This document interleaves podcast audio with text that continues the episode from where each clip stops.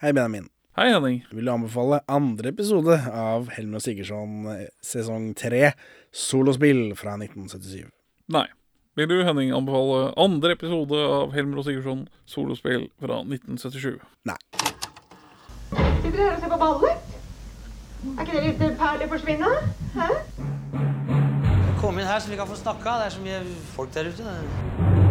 Og så kommer du dissende med en geléklump til middag. Drammen og baklengs inn i fuglekassen. Dette her er jo perleforsvinn!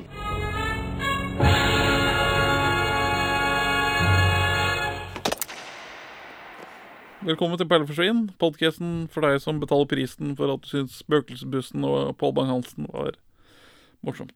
var en morsom kombo. Vi er to middelmådemenn i 30-åra som ser norske filmperler, og det har vi gjort i fire år, og det feires med Helmer Sigurdsson. Nå er det blitt mye TV i det siste, da. kommer til å bli mye TV fremover også, men etter hvert så tar det seg opp på filmfronten igjen, håper jeg. Eh, vi hopper bare rett inn i Helmer Sigurdsson, det er ikke noe å holde tilbake på dette. Dette er jo gull hele veien gjennom. Ja. Det begynner med en sånn Previously On, som forteller absolutt så, alt. om vi hadde no, noen andre kanaler å bytte til, og ikke Ja, men tenk om ikke du fikk det med den ene dagen. Det var ikke noe Du kunne ikke ta det opp. ja, man, man kan jo egentlig bare hoppe rett inn i episode tre, da. Det kan vi Man jo tenke på det. til neste gang. Nei. Nei. Kontekst, Benjamin. Men vi får jo hele konteksten. Ja, det er sant. Men først her så skjønner jeg at han fyren som kommer midt på natta til Lars Andreas Larsen og skylder ham penger og sånt noe, at det er han som skjøt seg. Men det har jo ikke noe å si. Så. Det er jo eh, som sagt en ganske grundig previously on. Og så slutter det med siste scene fra sist. da Det er en dame som skriker. Hun ser denne mørderpolitimannen i, i speilet der. Og så er- var jeg veldig usikker på hva er dette for en dialekt. jeg har notert henne som svensk med noen norske greier, men jeg tror hun er eh, fra Harstad eller noe sånt. Ja, Langt oppi der, men, virker det som. men soften Med østlandsk, og har bodd på Østlandet en stund. da. Men, eh, men, men det- den høres Den høres ikke helt sånn autentisk oppmyket. Det høres mer ut som at regissør er sånn derre Jeg skjønner ikke hva du sier. Det- Kan det- du ikke si det på norsk? dette, dette blir for nordnorsk for det allmenne norske publikum. Kan De vennligst tone ned din nordlending? ja. Hva du rota deg borti nå, da? Ja, det var ikke min feil. Jeg, ikke denne gangen heller. Jeg, eh, jeg bor eh, Ja, hvis jeg bodde inntil i formiddag altså sammen med en dame som heter Nuff. Hun er journalist i ukepressen. Og alt gikk bra, trodde jeg, inntil jeg plutselig fikk to anonyme telefoner om at hun sto i med en fyr som het Benny. Og sjalu som jeg er, så dro jeg ut til hytta hans, da. Ja, Bare for å undersøke litt. Og der lå han ved siden av bilen sin, slått i hjel. Det var bare så vidt jeg ikke snubla på beina hans. Og akkurat da kom Nuff med en ildraker i hånden. Ja, det er for jævlig. Men hvis du er uskyldig, hvorfor går du ikke til politiet? Fordi politiet ikke vil tro meg. Ja, det skjønner vel du. Å, Trond, det her er helt håpløst. Hun kommer til å anmelde deg, og så Hun heter Britt. Jeg er fra Nord-Norge og prater nordlending. Det blir veldig sånn tydelig diksjon nordlending. Ja, men hun Med sånn klagat, med sånn klagat toneart. det, altså, det er det viktigste. Klaginga. Sutre-nordlending. Oppmyket hørte- sutrenordlending. Men som uendelig oppmyket nordlending sjøl, så kjenner jeg meg godt igjen. Men, det, men det er nok mer Harstad enn Det er liksom For når du kommer ut litt sånn lenger ut på hvorfor skulle du ha drept han, da? Hvorfor skulle du drept han? Hvem er Helmer og Sigurdsson? Jeg liker ikke gråpære. For det er ikke den maksimalt suttete nordlendingen så du får liksom Når du kommer litt lenger Ja, den er ikke så spiss. Den er liksom litt myk. Men den er veldig tydelig diksjon, men fortsatt veldig sutrete. Har de en mann her, eller har de det ikke? Jeg forstår ikke hva dere har med mitt privatliv å gjøre. Har dere ransakningsordre, kanskje? Det kan vi lett skaffe, hvis de vil ha det på den måten. Nei da, jeg har en mann her. Og Han har vært her i hele natt. Det er min forlovede. Eh, disse telefonene som politimørderen, mørderpolitimannen Jeg har skrevet politimorderen gjennom hele mannen, så det blir veldig vanskelig dette. Har fått, eh, er det noen som sier at Nuff knuller Lars Andreas Larsen. Og eh, Nevøen, halvnevøen sin, Lars Andreas Larsen. Eh, ja, men hun satt fast i uh, tørketrommelen, så det må jeg lov. Naboen eh, til Britt ringer på og er nysgjerrig, for hun har jo sett at det kom en mann inn i leiligheten. Britt jager henne bort. Så er vi hos politiet. Helmer avhører Nuff. Hvorfor skulle, de, hvorfor skulle denne mørderpolitimannen stikke av om han ikke hadde drept Lars Andreas? Er det kanskje fordi han er politi og vet hvor ræva politiet jobber, tenker jeg da, men uh... Nuff sedd. Chateau Nuff. Ja, og apropos det, da, hvor ræva politiet jobber, så legger Helmer opp til at eh, det var jo Nuff som hadde denne ildraken i hånda. Denne Mørderpolitimannen hadde ingenting han kunne slått Lars Andreas med, så han mistenker henne litt også. Hvordan visste denne mørderpolitien at Nuff var på hytta? Og Nuff sier også at det ikke er noe forhold mellom Lars Andreas og henne, så hun jeg vet ikke om hun ikke hjelper sin egen sak. jeg. Eh, Det er litt interessant å se politiet jobbe ræva mens vi vet det, på en måte. At vi, Ja. vi, vet hva, vi vet hva sannheten er. Helmer gjør ikke det. Helmer jobber som en ræva politimann. Det er litt interessant å se på, men jeg tror ikke serien vet det. Nei, at det ikke er helt gjort med vilje. Det har Ja. blitt sånn. Ja, for han stiller sånn kritiske spørsmål i hytt og gevær, da, og er veldig morsk og sur og sint, og ikke så hyggelig. Eh, sånn truende er han. Han famler i mørket, da, med en enorm selvsikkerhet, liksom. Som politiet sikkert gjør. Men det er vel ingen som har lagt merke til det når de har lagd det. Nuff vil ha beskyttelse, for det er jo en morder ute og går. Eh, Helmer truer med å sette henne i varetekt. Godt jobba, Helmer. Bra jobba. Helmer kjører av gårde. Han blir stoppet i kontroll, for de leter etter politi, eh, denne mørderpolitimannen. Eh, og her, er han, her får han eh, påpakk om å ta på seg bilbelte. Ja, han for, for, for, Hva er det du lurer på? Jeg, har- jeg har forklaringen, nemlig. Denne fremstillingen av politiet som uskyldsrene, perfekte, misforståtte og underbetalte. Men så, har, så er han noen douchebag som ikke kjører med belte. Produsent Stein Roger Bull sier i et intervju i mai 1977 på spørsmål om de får kritikk for disse seriene, at det mest gjelder ting som at de må huske å la politiet bruke bilbelter og sånt. Ja. Så det er en reaksjon på det, at de tidligere har kjørt uten bilbelter. Noen Ah. Gøy. har ringt inn til Kringkastingsrådet eller hva faen. De må ha på seg bilbelter, det er tross alt politi. Eh, Og, Ja, så det er dette er en reaksjon på det, da. De er jo fristilt for å følge veitrafikkloven, selv om de ikke er det. Ja, men det, det bryr ikke folk som ser på TV seg om. Her skal jeg sitte med barnet mitt og se på mord på eh, lørdagskvelden. Ja, men her, jeg- stiller meg 100% bak dette, at hvis du skal ha politi på TV, så burde de for faen klare å ta på seg det jævla bilbeltet. Ja, ja, men det kommer an på hva vil du portrettere, da? Vil du portrettere en idealistisk eh, visning av politiet, eller vil du være gritty nede i gjørma, sånn som det egentlig er, hvor politiet kjører uten bilbelter? Ja, men den, den, den her vil jo da spise sin kake og eh, Ja, ja, ja. Spise sin kake. Uh, Spise sin kake og spise kake to ganger. Ja, det går jo ikke. Så de, Om de skal være så uskyldsrene og misforståtte og underbetalte, så får de faen meg ta på seg det jævla bilbeltet også. Jeg husker han eh, Det var en eller annen sånn båtpolitisak, og så var det en fyr, båtpolitimann som ikke hadde på seg sånn eh, vest. Ja. Og så måtte han, fikk han, han måtte gi seg selv bot, da, betale den. Og da var jo den saken ute av verden, selvfølgelig. Men eh, Ja, jeg- morsomt allikevel. Jeg har, jeg har som prosjekt å filme politiet øh, når jeg ser de kjøre rundt. Og, og fordi annenhver gang jeg ser politiet i trafikken, så bryter de trafikkreglene. Altså det er bare De bare gir totalt peng. De bare De har ikke lov til å bryte Sette veitrafikklovens bestemmelser til side om det ikke er utrykning. Men de de, bare, de trenger ikke å følge veitrafikkens lover, fordi det er ingen som tar den på det. Ja, Hva er vitsen med et eh, voldsmonopol om ikke man kan uh, ha monopol? da? Det er sant. Om ikke man kan gjøre som man vil. Eh, men ja, så det er det svaret på dette bilbeltegreiene. Bra. Jeg stiller meg bak kritikken. Ja, ja, kjør hjem. Og hils kona. Og ta på deg bilbelte, vær så snill.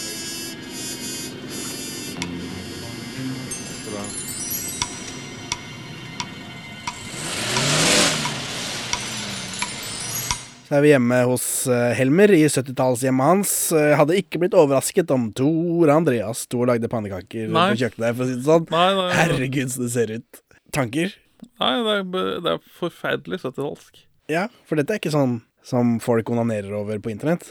Å, se på dette flotte greiene, og så har de gentrifisert det helt og gjort det hvitt og sånt noe. Dette er stygt. De må gjerne fikse. Jeg savner det. Jeg savner det. Det er så utrolig stygt. Det er mønster i alt. Det skjærer i øynene. Det blir Elsker helt sånn svimmel av å se på det. Varmt og trygt å besøke grandtanter og grandonkler som ikke har pusset opp siden 70-tallet. Halvtanter.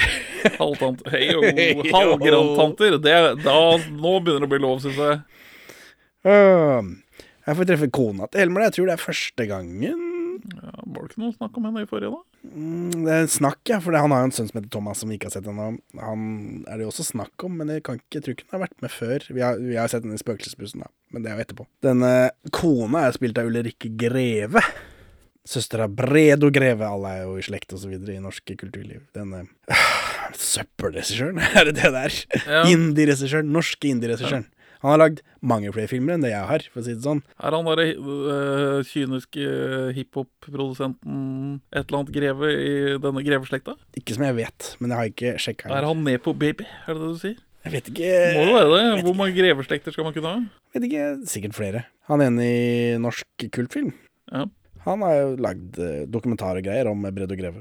Ja, jeg så det. Men dere får sjekke mer ut om det på norskkultfilm.no .no. og, og .com. Eh, Ja, det regner jeg med, men .no er liksom det folk bruker da i Norge når vi Ja. driver norsk podcast. Og vi Ja, snakker sjekk ut mer om deres norsk film. denne dokumentaren. Dere kan finne mer om det på norskkultfilm.no. Ja, det, det skal jeg tro. Noen har slått i hjel Benny Larang.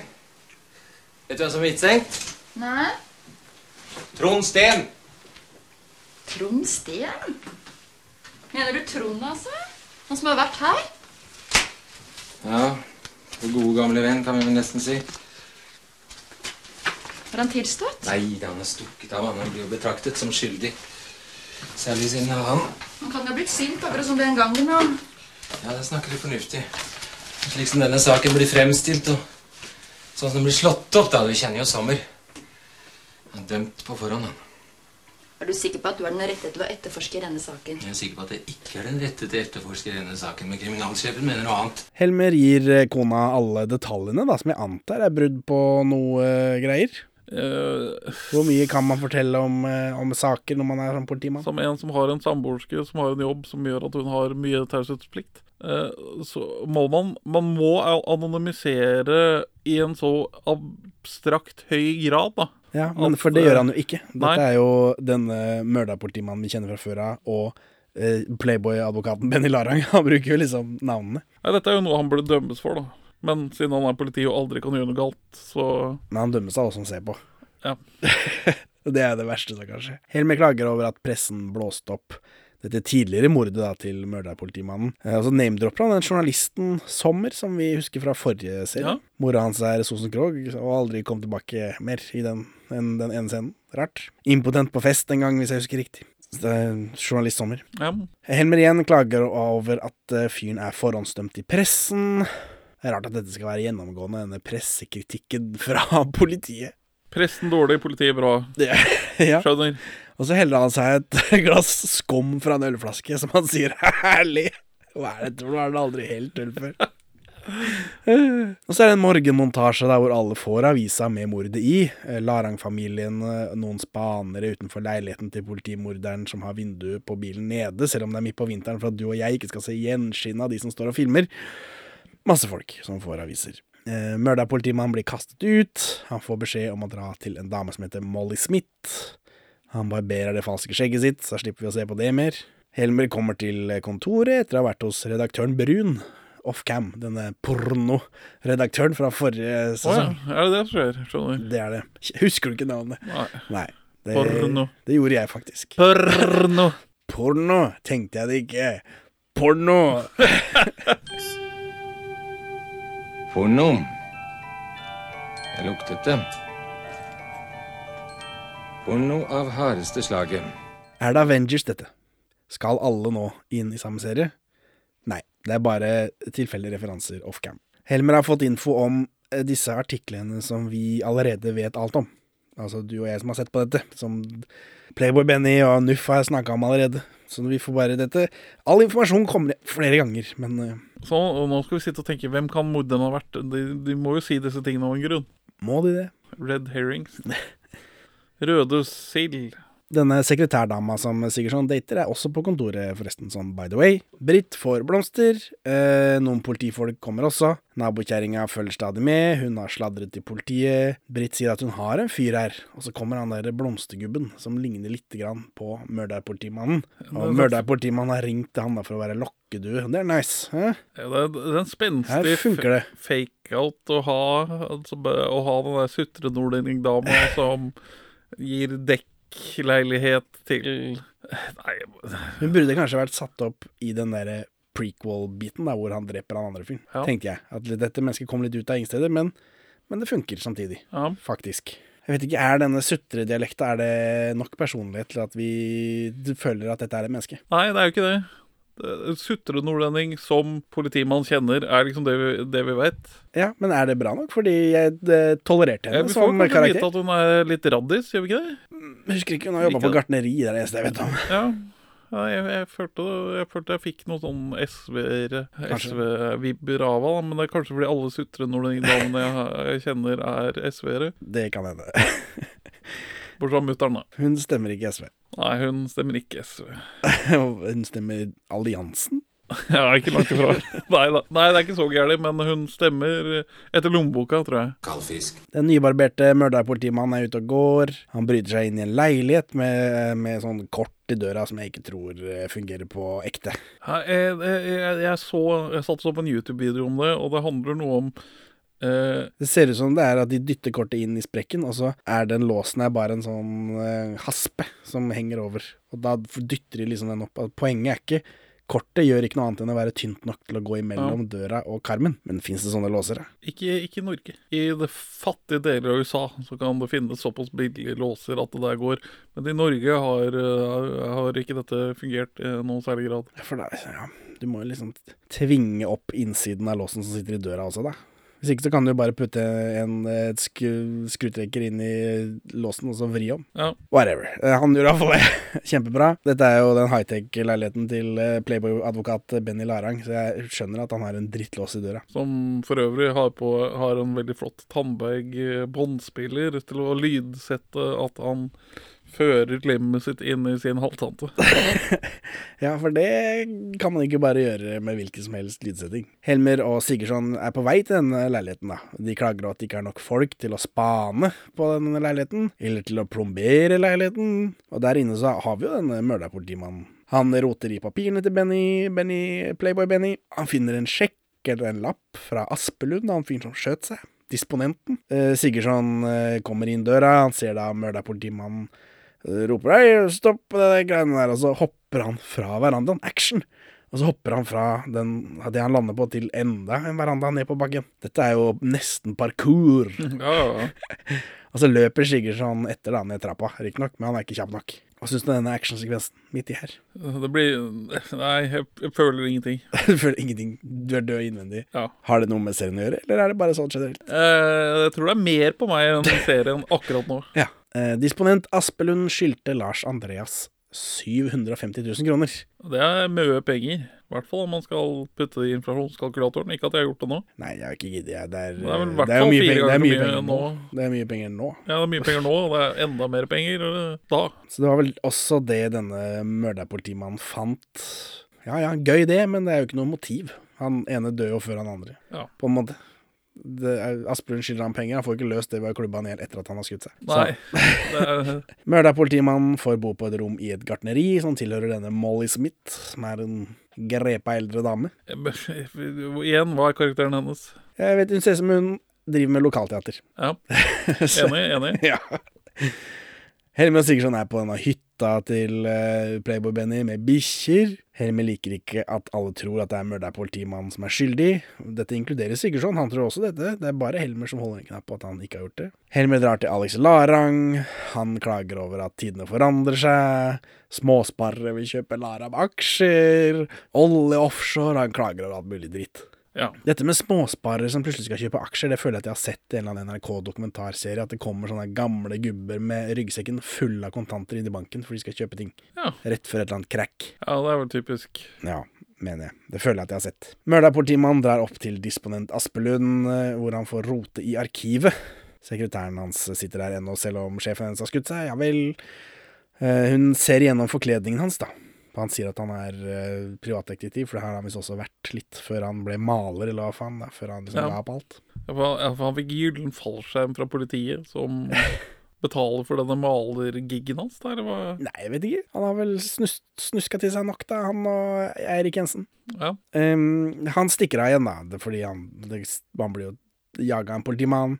Her får vi løping gjennom Oslo arkitektur på 70-tallet. Først og fremst T-banen, riktignok, men eh, Ja, dette er jo Stortinget T-banestasjon, som nå er i sin sanne fucking setting. Stortinget T-banestasjon ser så tåpelig ut i dag, men nå, når man ser den ah, ja, den, er, den var sånn på 70-tallet, da skjønner jeg. Det er med. Det er greia. Men eh, den eh, første den, Altså Stortinget T-banestasjon ligger jo ganske dypt, da. Så det er liksom den er, den fore, Det er to plan på den, liksom. Det er dette rett under bakkenivå, og så er det dette dypt nede. Mens den nedre delen er helt lik som i dag, mens det er oppe, så er det noen sånne detaljer som har blitt borte med tiden. Som den ser mer Den er kulere og mer sci-fi film, politiløpesekvensvennlig enn den vi har i dag, da. Så jeg syns nå, nå ble jeg sånn Å, lokalhistorie, det er det jeg liker når jeg ser på gamle ting på NRK. Ja. Nå fikk jeg sånn gubbetenning, da.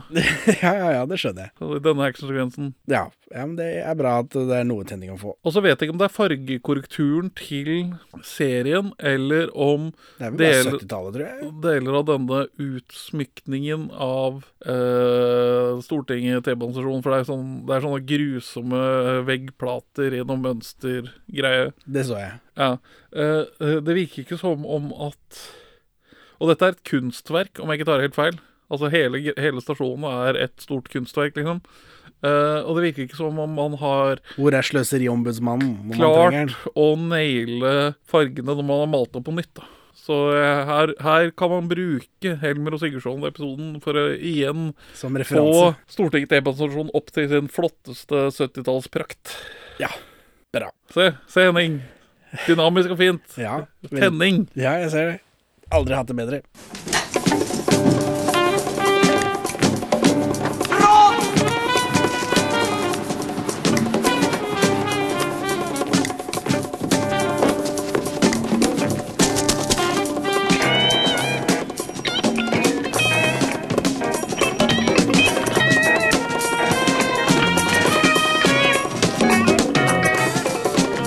Sigurdsson er inne hos psykolog Herman Larang. Herman har gjort forsøk i telepati, men forsøket det kan være ulovlig. Hva er dette for noe, Benjamin? Forklar meg. Telepati fins ikke. Uh, nei. Nei. Uh, men, men, Er det ulovlig å forske på det? Nei, det som Benny har hinta til, er vel at han er betalt Han sitter i en forskerstilling og Men har tar pasienter som Ja. han tar betalt for. Ja, og det har han ikke lov til. Han, altså han, Men han kaller det da for forsøk, fordi da er det lov. Ja, men jeg tror ikke det etiske rådet til hans fakultet ville eh, godkjent det. Nei, heldigvis så eh, blir det ikke noe av noe av dette. Det kommer ikke opp igjen. Eller det kommer opp igjen mellom bare for at å, kanskje det er dette er noe. Nei, det er ikke noe. Helmer er hos Tupsi, kona til Christian. Christian Larang. Ja. Tupsi Larang. Hvorfor heter du Tupsi? Umulig å vite. Det er rike. Har man Ja. tullenavn?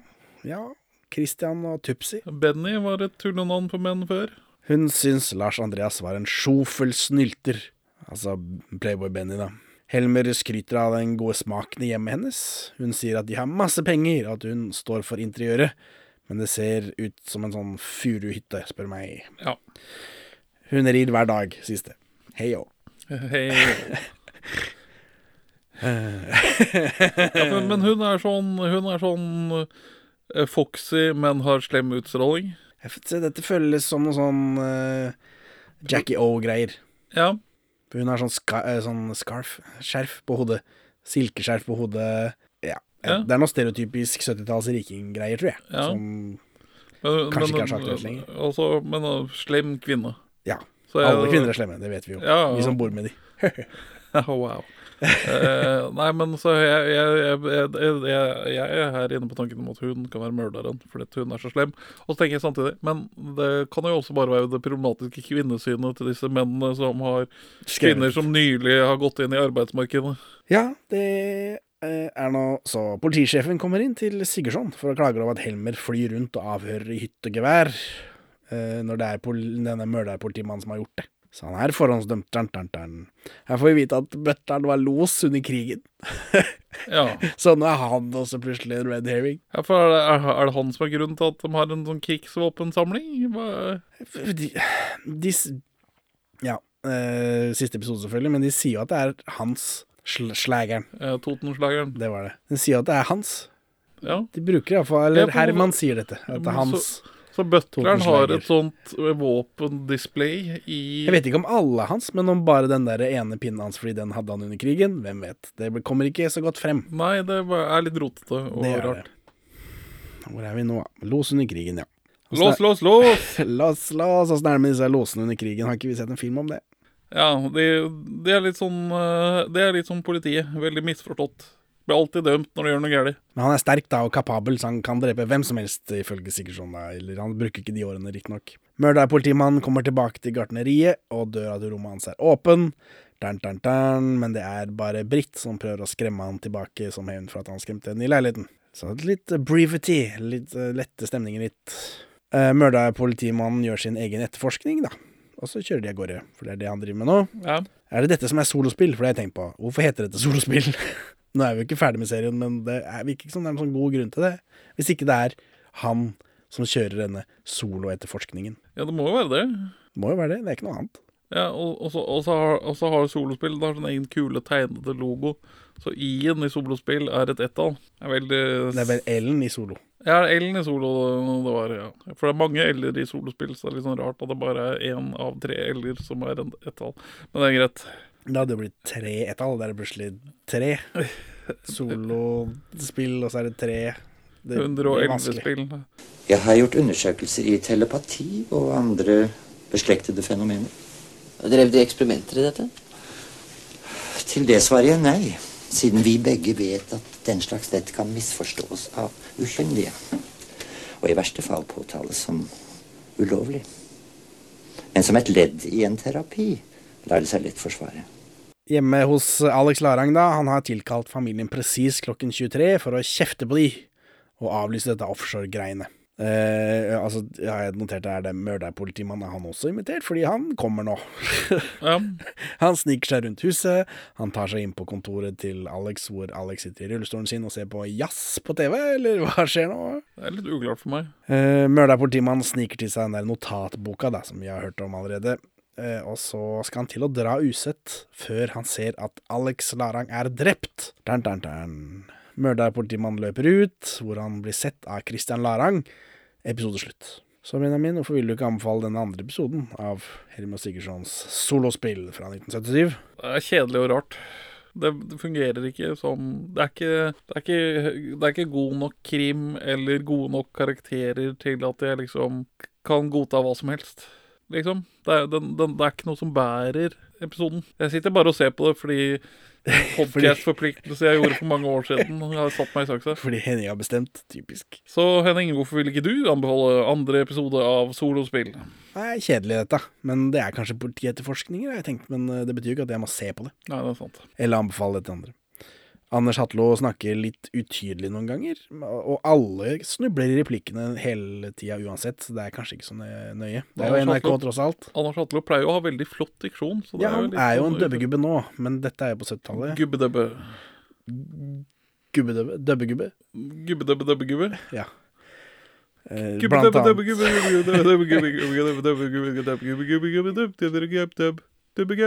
Blant annet, eh, han har vel en del stemmer, om ikke han er stemmeregissør også, i den Guri med Eurompa, Norges eh, første helaftens tegnefilm, hvis Ja. en helaften er eh, 67 minutter, eller hva det er for noe. Ja, det Helaften. Etter to episoder, nå er vi oppe i to eller tre mord, litt avhengig av hvordan man teller, så tror jeg at morderen er enten Topsy eller Christian. Det er det eneste som gir mening. Ja. Uh, I en sak i Hamar Dagblad 18.11.1977, da, som er samme dag som siste episode av denne serien går, altså den vi skal snakke om neste gang vi snakker om dette, så mener Elverum-politiet at Larang-saken blir oppklart i kveld. Det stemmer jo for så vidt, for det er jo da siste episoden går. De har snak avisa har snakka med det ekte politiet om Helmer Sigurdsson. Um, ja, det, for ja, altså ja. Dette er, det, dette er Du ser på meg sånn rart, men dette er en journalist som har snakket med et politikontor om hvem de tror er morderen i denne TV-serien. Ja. Vi har jo tidligere sett at det er veldig mange kjendiser som blir spurt. Jeg glemte å google meg opp til den gangen her. Ja, dette er jo bare et politikontor, ja, men det virker som, når jeg leser denne artikkelen, at de har gjort det før. Uten at jeg gadd å sjekke det. Ja, ok. Så, men her, eh, de tror jo da at eh, det enten er Christian eller Topsy, alle sammen. Tror enten at det er en av de eller begge. Eh, og de mener at det ikke er NUF, men de er glad for at serien viser journalister som slasker, og politifolk langt på vei som helgener. Så wow. Det Ja, skjønner. Var, var Helmer og Sigurdsson redd for ikke å få lov til å låne politibiler om de ikke Hvem vet? Hvem vet? Ellers så vil de vel bygge opp under en, eh, en følelse i samfunnet. da. Ha det bra, Benjamin. Ha det bra, Henning. Takk for at du hører på Perler for svin. Vi er tilgjengelige på alle sosiale medier under ymse varianter av Perler for svin-navnene. Se episodebeskrivelsen for nøyaktig navn til ditt foretrekkende sosiale media. Men vi har egen hjemmeside også, perleforsvin.no. Her finner du episode 1 til 27, og vi har to eh, kassetteksklusive episoder. Olsenbanden Apokryfer 2 og en hemmelig episode. For å bestille denne kassetten så kan man også se episodebeskrivelsen. Vi er også tilgjengelig på mail under perleforsvinpod at gmail.com. Gi oss en rating i din podkast-avspiller, og legg igjen en anmeldelse, så folk skjønner hva for noe tull vi egentlig driver med. Og for øvrig, legg ned kongehuset. Her er ukas Pål Bang-Hansen-sitat ute av kontekst. Mentalinstitusjoner.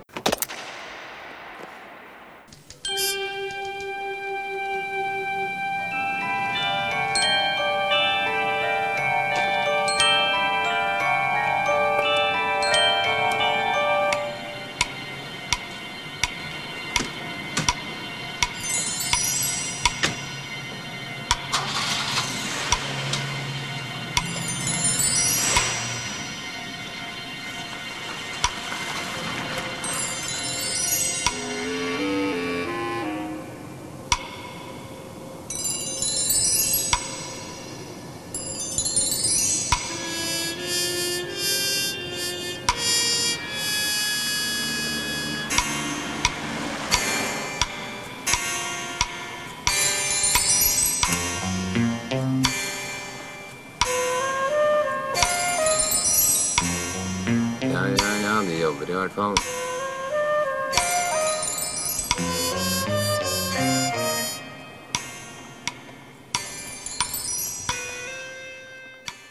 This is propaganda. You know. Skal du ha mikrofonen der borte? Lise Karlsnes. Henchman i eh, Burning 2. Ja, det var helt greit. Hvordan kan du glemme ikoniske replikker som Det, eh, OK, ikke, ikke, ikke, glemt som, eh, som eh, Fortrengt. Nei, det er vanskelig å internalisere. Ja, det er sant.